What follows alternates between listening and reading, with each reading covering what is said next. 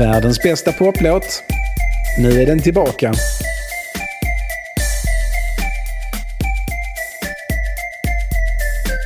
Vilken är bäst? Vi måste ha svar. Jag ligger vaken på natten, jag får ingen frid. Men det svaret är här utanför. Det är bara en fråga om tid, ja!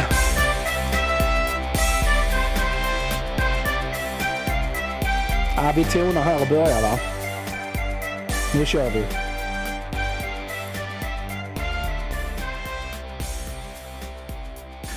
Hej Shabaloba och välkommen till världens bästa poplåt. Podden som handlar om världens bästa poplåt, varenda en av dem. Och med avsnitt 100 och 101 bakom oss så tar vi klivet in i det okända och utforskar låtarna som inte borde finnas men som ändå gör det och är fantastiska trots att de bryter mot alla regler om vad som får och kan göras. Det är låtar som har texter eller musik som helt enkelt inte ska kunna göras men som ändå gjordes och vi kan inte låta bli att gilla det trots att det strider mot god smak eller politisk korrekthet eller vad det nu är som gör att låten är helt omöjlig. Jag tänker inte nu på låtar där brottet mot konventioner eller god smak är en del av konstverket för då är det helt medvetet och inget som en låt blir bra trots utan i så fall på grund av.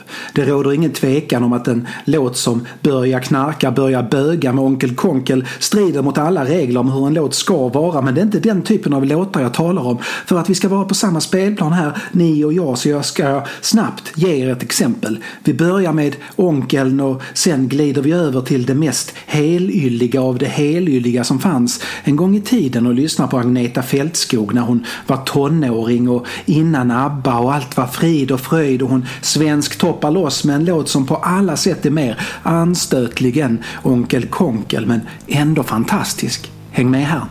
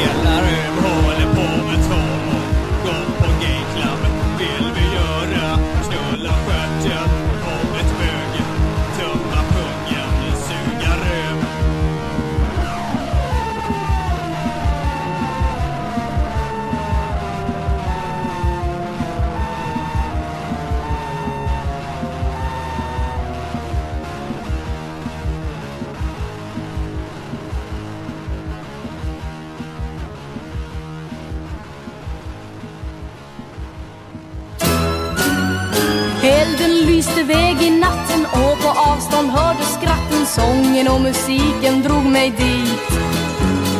Jag kom till en bröllopsfest och dansen pågick just som bäst Jag gjorde oss zigenarna en nattlig visit. Ah, Mörka ögon, vita tänder En zigenarynglings händer mig plötsligt med i eldig dans. Sa att han var bror till bruden, jag som inte alls var bjuden Hade hamnat mitt i festens glans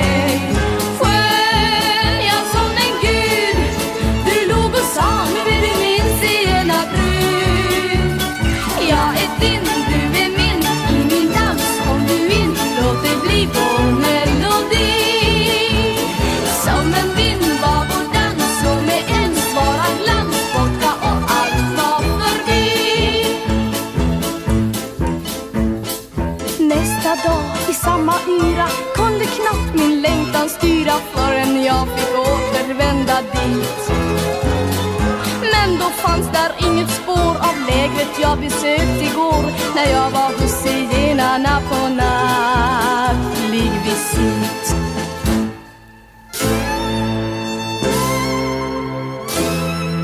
Åh, min brudgum som försvunnit. Aldrig mer. Jag återfunnit. Tänk ibland, jag tror det var en dröm. Men som mitt i nattens vak snabbt förbi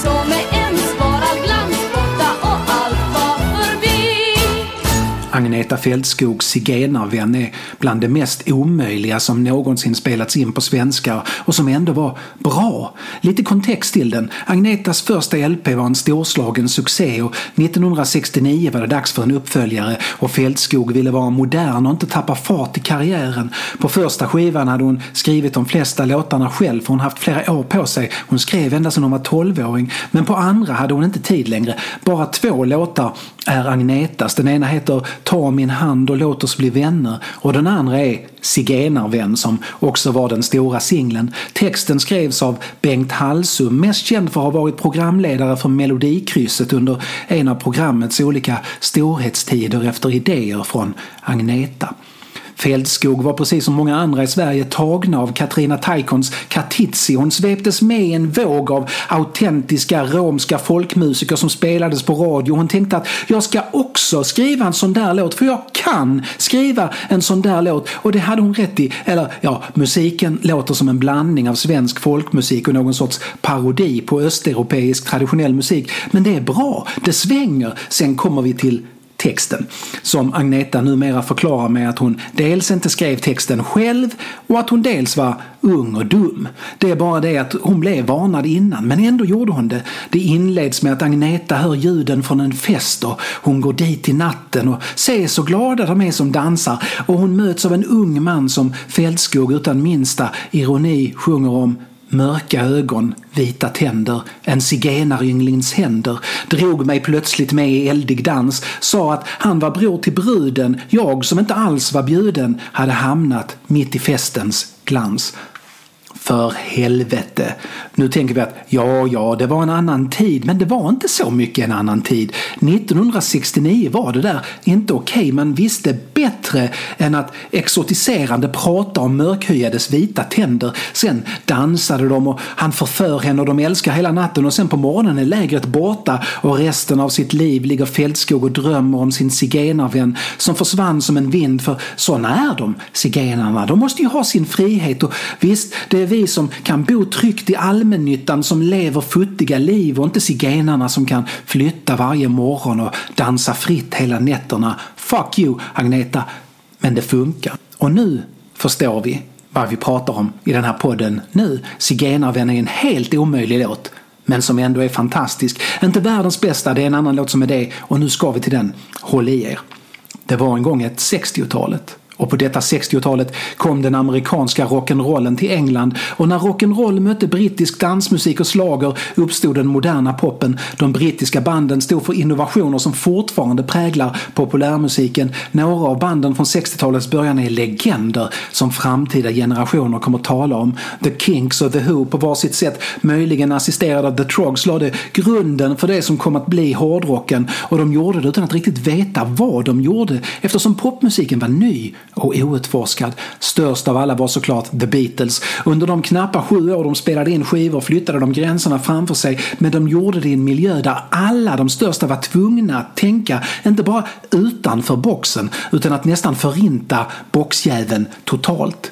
The Kinks släppte You Really Got Me ett år efter att The Beatles pressades på svart vinyl och på det året hade allting förändrats. Please Please Me, Beatles första LP, var som en vrålande panserfist genom radions högtalare och det var korta perfekta poplåtar i ett rasande tempo. och Det var stämsång, inte för att bredda och göra kanterna mjukare utan för att spetsa till det och hugga och slå rätt in i hjärta, själ och könsorgan. Men ett år senare när You Really Got Me med The Kinks kom så måste Please Please Me låtit föråldrad. Några av banden invaderade USA och så blev det korsbefruktningar och megastjärnor. Den hårda konkurrensen och skivförsäljningen gjorde att många slogs ut där man tidigare kunde ha varit en lokal stjärna i någon del av England som de flesta låtsas som att den inte finns krävdes det nu popstjärnor och pojkar som varit med i skvallertidningar. Vad har allt detta med världens bästa och mest omöjliga poplåt att göra, undrar ni? Kommer till det. Samtidigt som de framtida brittiska popmusikerna och modsen upptäcker rock'n'roll och Elvis så leder skivimport och ungdomars behov av att identifiera sig med något som känns äkta till den gren av bluesmusiken som kallas Chicago Blues. Framförallt för den fäste i London.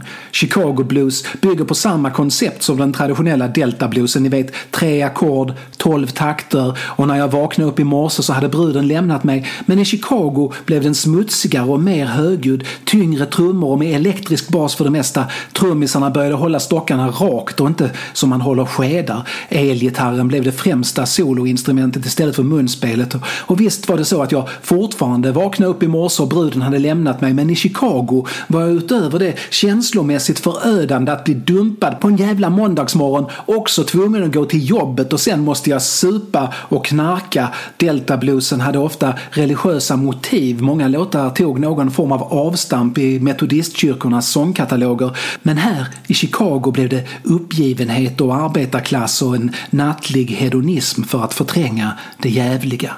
Det funkade i London. Först på klubbar där människor med afrikanskt eller afroamerikanskt ursprung hängde och när dessa började besökas av vita unga män så spred det sig. Vita unga män som också ville spela blues som svarta män från Chicago spelade blues. På den scenen, som är helt skild från den glättiga popscenen, spelar Eric Clapton sina första bluessolon. Här bildas The Animals. Här träffas Ian Stewart och Brian Jones och bestämmer sig för att starta det bästa av alla Chicago bluesband som finns i hela världen, inklusive Chicago. Precis som alla andra nystartade bluesband i London i början av 1960-talet bestod Ian Stewarts och Brian Jones orkester The Rolling Stones enbart av vita snubbar. Stones är nästan direkt ett fenomen och i början rena bluespurister. Det ska vara äkta, riktigt äkta. Äkta blues och Mick jävla Jagger på sång och en enastående Charlie Watts på trummor. I The Beatles kölvatten tänker skivbolagen att allt med långhåriga grabbar som spelar musik går att sälja så bluesbanden får skivkontrakt och lanseras. Så även Stones. Dock utan Ian Stewart för det fattar man ju att man kan inte ha en pianist i ett popband så han fick sparken. Av alla alla dessa brittiska bluesband blev The Rolling Stones störst. Det är en aning märkligt för även om Decca sura över att de råkade säga nej till The Beatles pressar The Rolling Stones att börja skriva egna låtar och det faktiskt uppstår ljuv låtskrivarkemi mellan Mick Jagger och gitarristen Keith Richards så har de inte direkt en massa riktiga bangers till singlar i sin karriär.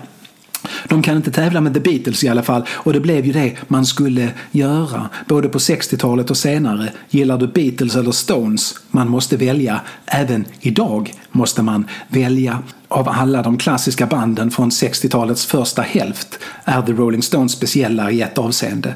Det var inte det enda bandet som spelade enkel rock'n'roll med bluesen i centrum. Det gjorde Yardbirds också, det gjorde The Animals också. Det var inte det enda bandet som skruvade upp gitarren och gav röst åt vrede och fuck you. Det gjorde The Kinks och The Who också. De var inte unika i att dränka låtarna med sex och lust heller. Nej, inte alls. Men det som skiljer The Rolling Stones från resten av gänget, av de delar av gänget som någon fortfarande pratar om, är att de är helt helt och hållet utan några som helst intellektuella pretensioner. Inga rockoperor och skit.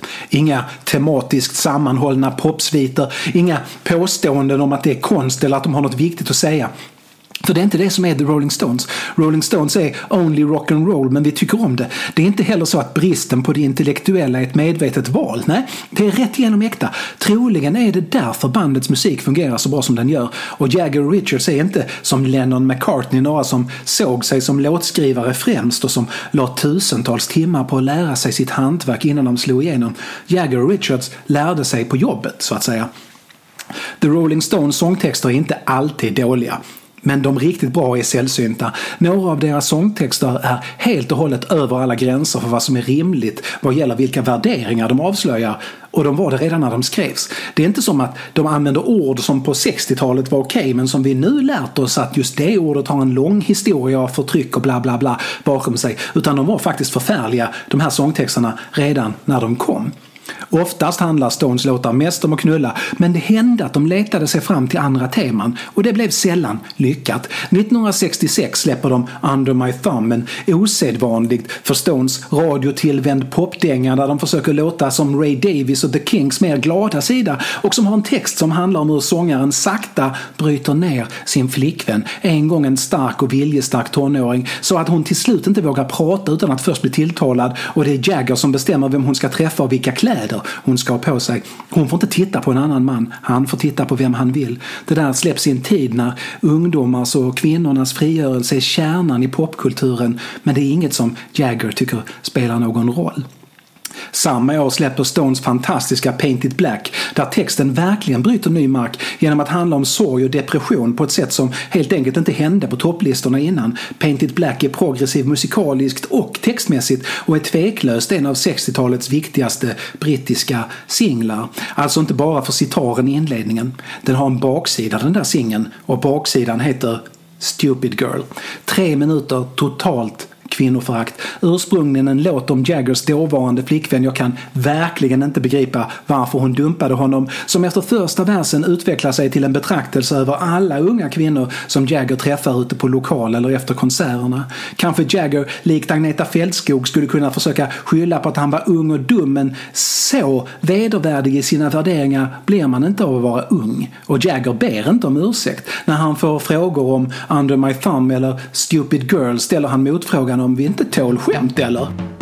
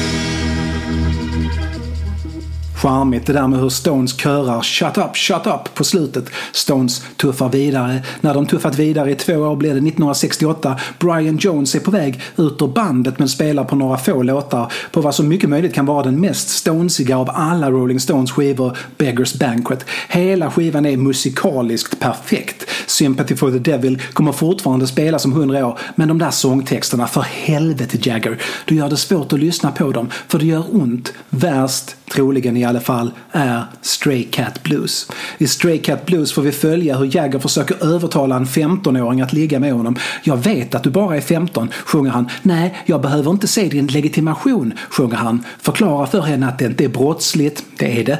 Och att om hon känner sig otrygg så kan hon ju bjuda med sin väninna också. Men det stannar inte vid det. Nej, Jagger kör hela grooming-kittet med att ge henne förolämpningar maskerade som komplimanger så att hon måste försöka vinna hans gunst och sen berömmer han hur vuxen hon verkar vara jämfört med sina jämnåriga och det är helt utan ironi. När han får frågor från pressen om låten så försöker han först med att folk inte fattar att han skämtar, kan inte tåla ett skämt eller och sen ändrar han tjejens ålder till 13 vid senare liveframträdande. Det där är inte okej okay, Jagger, men det är märkligt bra ändå. Som allt annat på Beggars Banquet, men fan att du tvingar oss att tycka om det här.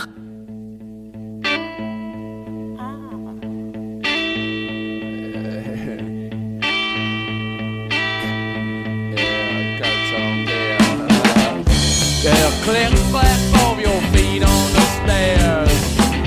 I know you're no scared, honey. You'll be a you just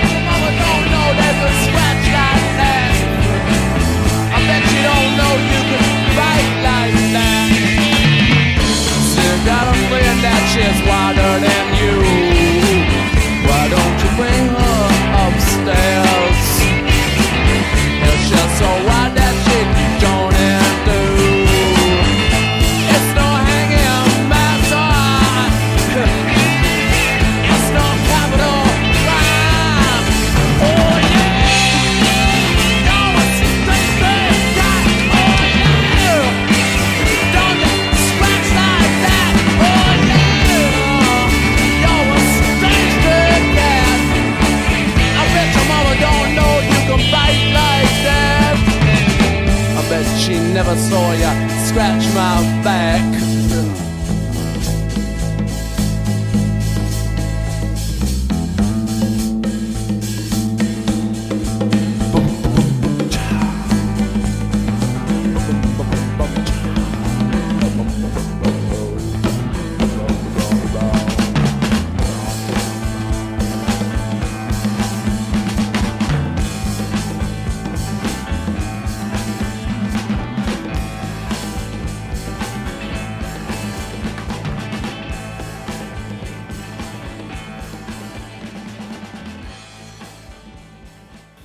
mest notoriskt förfärlig av alla de Stones-låtar som är förfärliga och fantastiska samtidigt är Brown Sugar. Ett geniriff inleder en låt om att ha sex med svarta kvinnor som är jätteexotiska och svarta och vet hur man tillfredsställer vita män sexuellt just like a black girl should. Första versen beskriver hur en slavägare köper sig en kvinna på en marknad i New Orleans och sen tar henne till bomullsfälten på 1800-talet och piskar henne tills hon skriker i sexuell glädje just around midnight. Men sen hoppar vi till nutid och Jagger omges av en hel massa 16-årigt brown sugar som inget hellre vill än att vara vit man slav ett tag och Jagger ställer så gärna upp herre jävlar, herre jävla jävlar. Brown sugar är raka motsatsen till att ha fingret på samtidspulsen. För brown sugar kommer 1971 mitt i medborgarrättsrörelsens desperata fas i efterdyningarna av mordet på Martin Luther King och det är svarta pantrar och det är ungdomskulturen som har lämnat hippiestadiet och blivit betydligt mer politisk vass och antirasistisk. I detta kommer alltså Brown Sugar. Det är för bra för att motstå musiken men för fan samtidigt bara några hundra meter bort i en annan studio skriver John Lennon att “Imagine all the people i fred och harmoni och respekt” och då skriver Jagger om att, om att äga negerslavar och att svarta flickor mest duger till att ha sex med. Det är inte okej nu och det var inte okej då heller. Men man kan inte förneka att det är en av världens bästa låtar. Nej, det kan man tyvärr inte göra.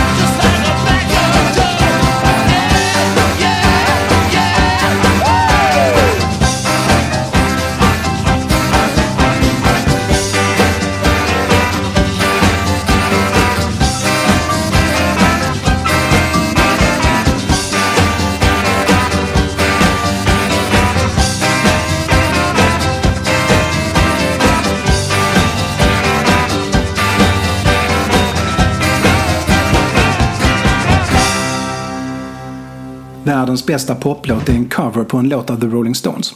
En av få låtar där skivbolag och Stones manager faktiskt sa nej och stopp på belägg innan den släpptes för det fattade att det där inte är okej. En gång i det fjärran 80-talet gick jag in på Klöver S på Limhamn för att köpa mig lite hårdrock som jag så ofta gjorde när pappa hade fått lön och jag månadspeng. Jag bläddrade bland de nyinkomna skivorna och där i facket för nyinkommen hårdrock fanns en bländande gul skiva. Joan Jets album. Jag hade inte riktigt koll på Joan Jett. Jag var nybörjare i hårdrockeriet. Men hon såg verkligen cool ut när hon hoppade med gul bakgrund och jag bad att få provlyssna. Skivan inleds med Fake Friends som hade allt jag letade efter i rockmusik då. Svängiga trummor, ett riff som påminde om Hot than Hell of Kiss och en maffig produktion. Jag köpte den och blev inte det minsta besviken.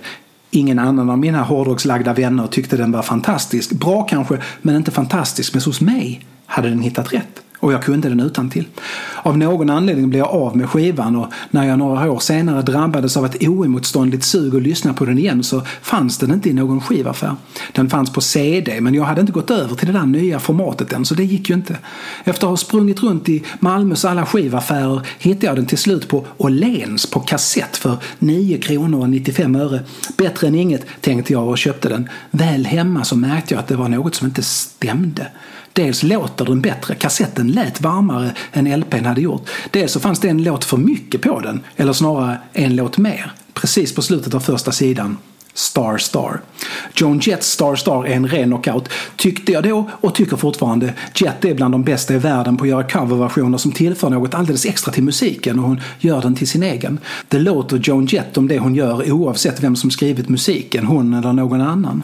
Ändå blev jag förvånad när jag läste att låten skrivits av Jagger och Richards. Jag visste såklart vilka de var. Det var ju snubbarna som skrivit Kiss 2000 Man om inte annat. Nej, alltså jag hade ju såklart hört Stones, men inte så pass att jag kände till de mindre uppmärksammade spåren på skivorna.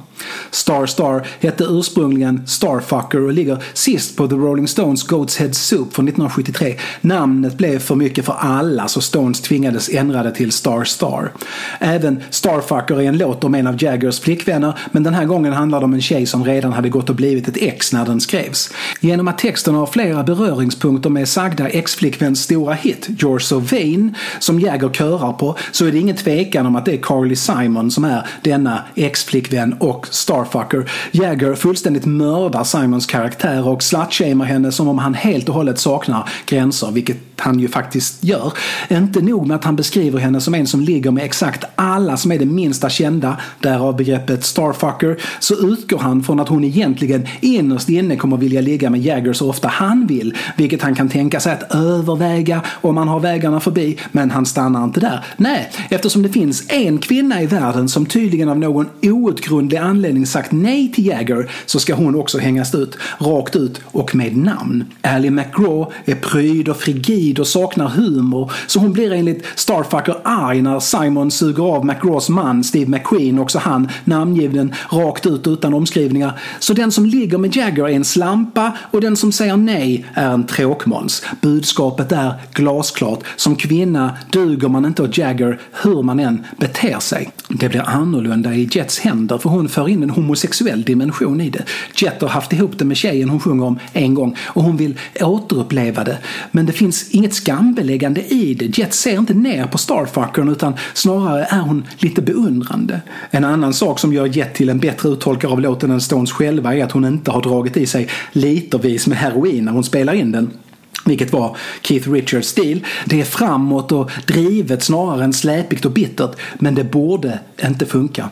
Även om Jet skapar magisk pop så gnager det ändå fortfarande. Det borde inte gå att sjunga sådär. Star Star är världens bästa poplåt men den borde inte finnas för den strider mot alla enkla regler om obalans och god smak.